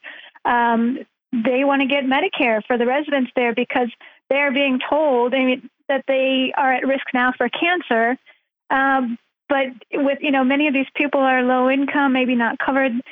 Getting that you know monitoring and then care if they need. There's no guarantee that they'll be able to cover that without some sort of you know public insurance.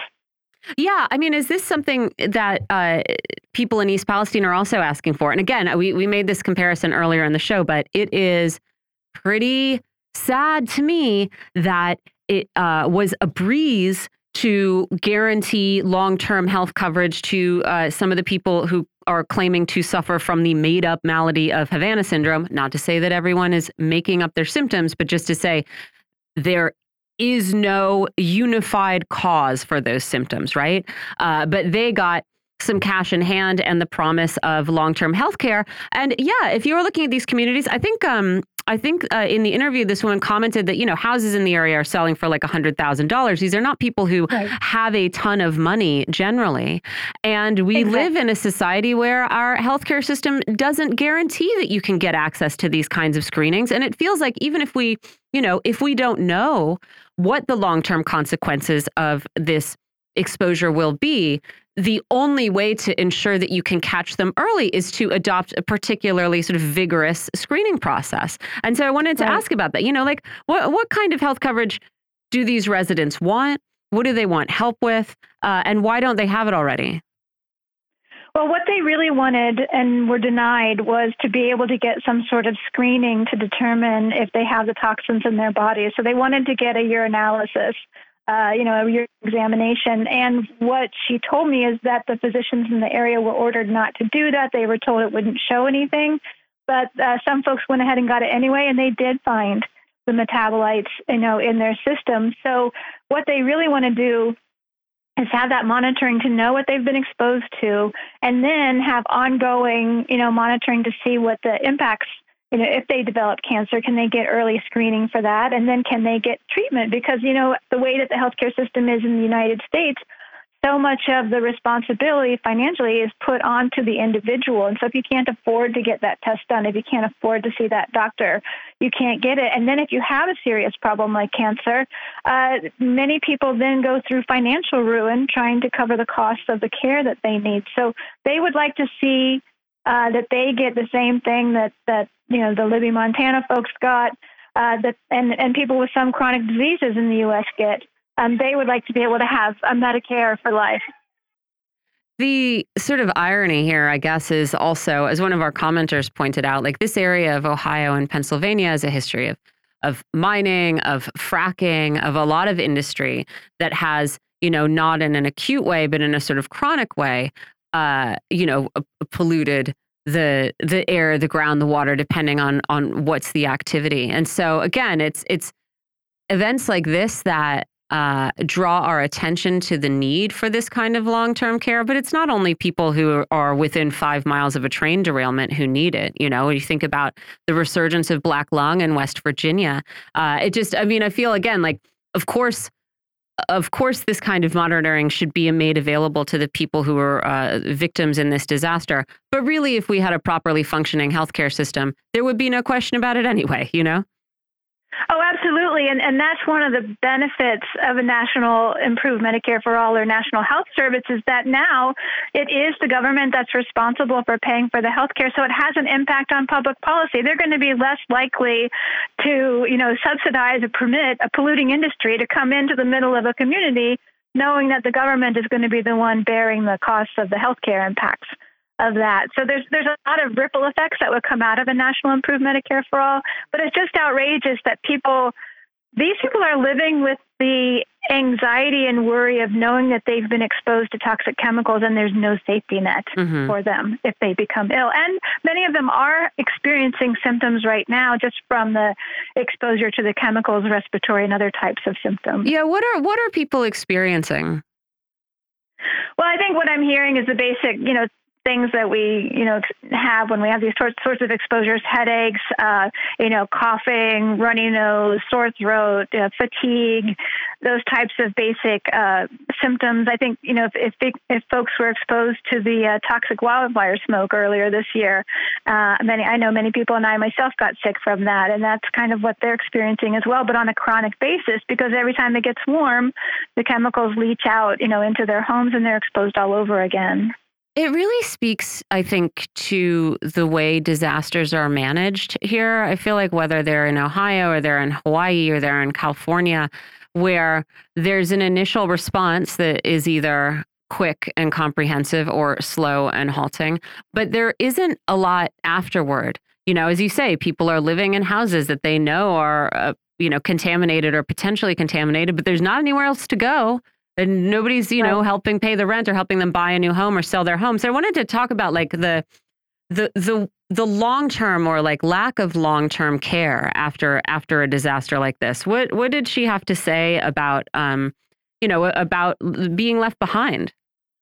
Yeah, I think one of the really striking things is just like early on the total lack of coordination of, you know, planning and preparation for any kind of emergency. And so they were getting really like some people were informed they needed to evacuate, some weren't. Uh, you know, they, there wasn't really a system in place to help people who needed help evacuating. So it was really, again, put on the individual. And then just, you know, some areas when they did the burn of the railroad cars, some areas were evacuated for that, but areas that were closer to the burning were not evacuated. So there wasn't really this common sense approach to be like, okay, this is what people are going to be exposed to. These are the areas we need to prioritize. Let's do that. And then just, yeah, this kind of, um, you know, passing the responsibility. You've got the local, state, and federal governments involved, and there's no real body that's coordinating what's going on and, and making it simple for folks or even getting information out to folks. They feel very much like they're not uh, not getting the attention that they need. And this is going to be an ongoing disaster for quite a while. You know, cleaning up that area if they can clean it up, which is another thing the emergency declaration would help with uh, declaring it a disaster area. Um, this is going to be a very long term thing. And so that was kind of her uh, advice to folks is if you live in an area where trains pass by, you really need to find out what is the emergency response in your area. Is it robust enough? Would you know what to do if that happened? It has been really surprising. I mean, yeah, to hear that, like, certainly one, it doesn't fill you with confidence that some of these decisions about where is evacuated and when and who can be let back into their homes and when if it is as haphazard as i as i heard described you know it, it doesn't make you feel confident that this is being done uh, with any uh, like based on any real analysis of the danger. You know, it makes you feel like everything is being done for PR, everything is being done by people who have a only a, partial picture of what's going on, and that everybody's mm -hmm. kind of just crossing their fingers. And I suspect that uh, there are entities that don't really want people to know the extent of the damage that has been done mm-hmm. because mm-hmm. then they would have to face up to the reality of the work that will need to be done to remediate that area and to make sure that people are safe.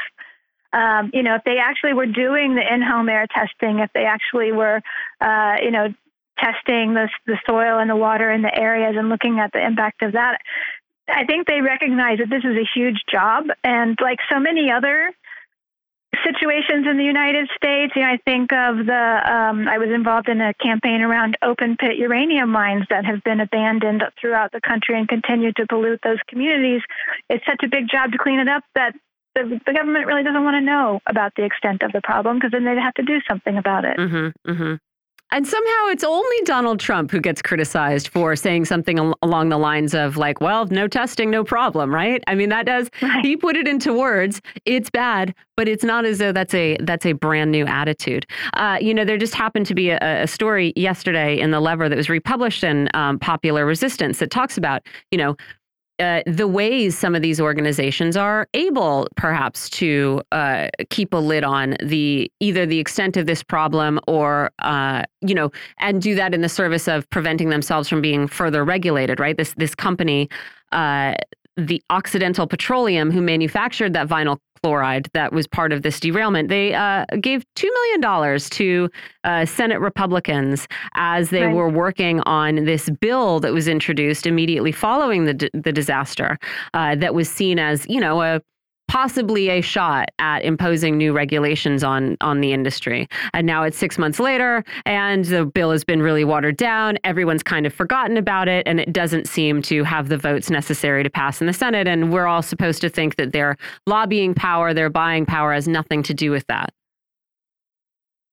Right, or just look at the railroad industry as a whole, you know, and the fight that was just waged with the uh, railroad workers, you know, fighting for safety on the job, you know, having enough time to do the safety checks, making sure that the trains are not too long, which was the case in this situation. The train was 150 cars long, and it was not, the cars were not arranged in a way that was safe so that when something happened, the potential for a greater derailment was there, the way that the weights of the cars were distributed. Um, you know, these our railroad teams are really stretched thin and um, working sick, working under stress, and just simple efforts to try to get regulations passed so that there's greater safety for them and our communities. You know, the big railroad companies have so much power over Congress. That's not happening. I wonder if you uh, think that there are maybe some lessons for the people of Maui in looking at what happened to the mm. people of East Palestine. Again, not that it should be uh, left to individuals or mutual aid societies to uh, you know to to be primary responders in these disasters but it does feel like you've seen a you know a, a much larger disaster but a, a, similarly sort of haphazard and uh, limited response and so i wonder you know if if there are, are yeah. lessons to be taken to ensure that either that they aren't forgotten about or that they can be their own best advocates yeah, I mean, sadly, they didn't have a system in place or it wasn't activated so that people weren't warned in time, you know, to get out of their homes. I think that uh, the lesson would be don't take it for granted that you're going to get the help you need and start organizing early on and being vocal early on in, you know, making the demand and, and don't let the government's pass this off onto corporations and say, oh, well, we're going to get, you know, I understand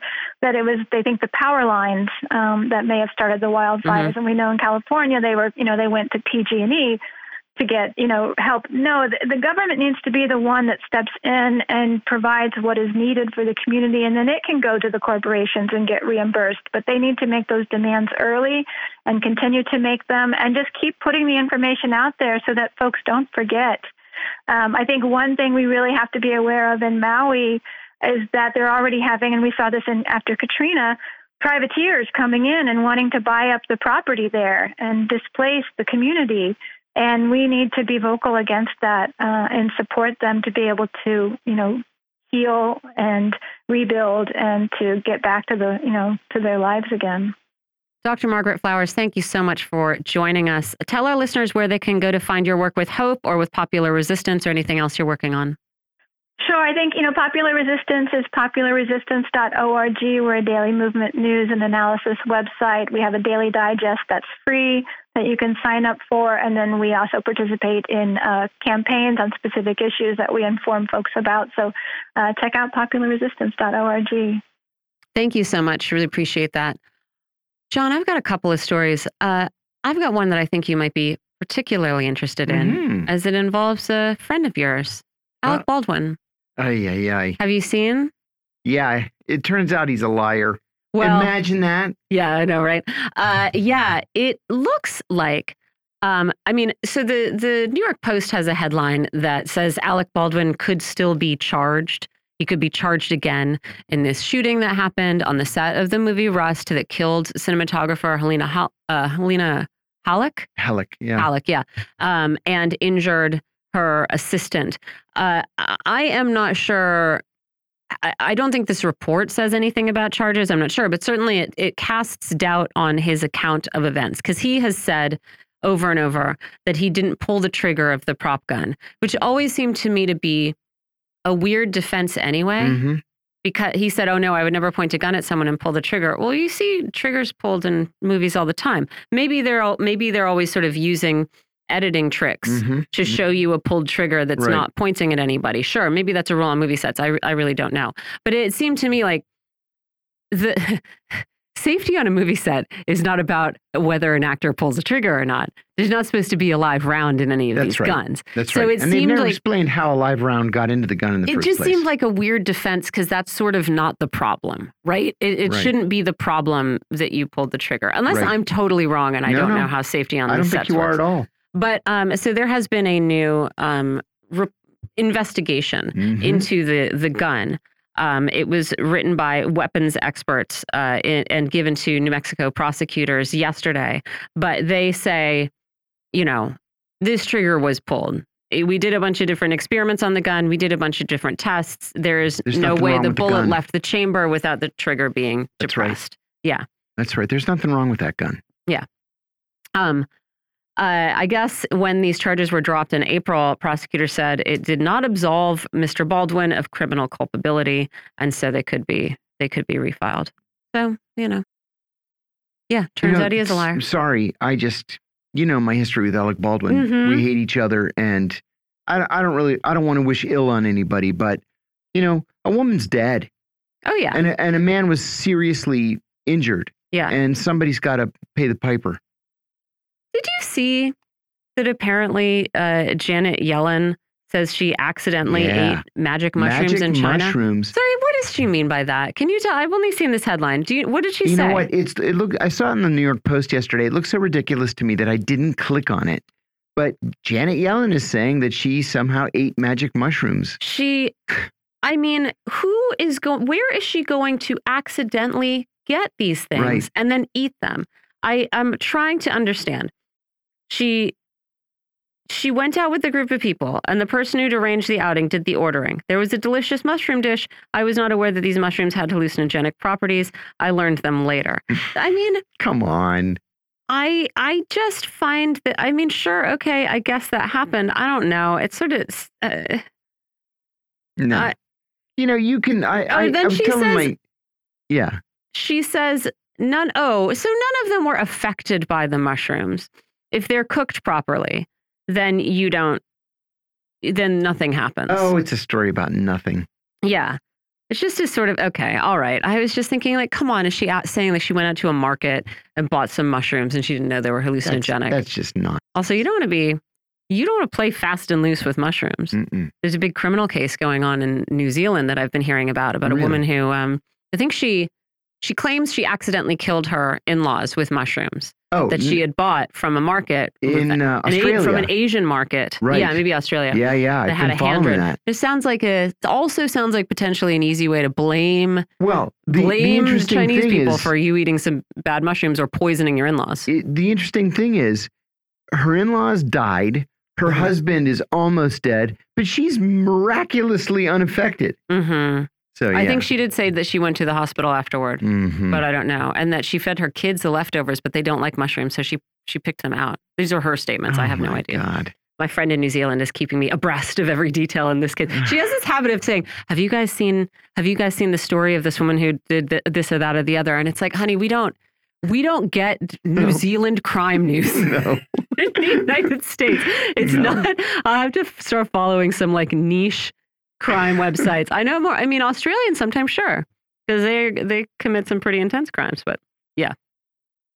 You know, when I went to Australia a couple of months ago, I was aware, of course, that they have like seven of the 10 deadliest snakes in the world Mm. and eight of the 10 deadliest spiders in the world. Um, also, in the evenings, fruit bats come out and fly around. fruit bats are incredible. Incredible. Fruit They're bats like are so Three cool. or four feet across. Yeah. They're that big. Incredible. The crazy stuff that you see there. One of the coolest things I've ever seen in my life is coming out of Angkor Wat in uh, Cambodia and Siem Reap, which is a great place to visit. Um, and coming out at dusk, and you know, I'm riding my like bicycle back along this road that goes from the temple complex into the town, and it's uh, you know the as I said dusk, so there's sort of traffic on the road, and if you look up, then you start to see. I think I've told you this before, but off air. Uh, you all the fruit bats Mm.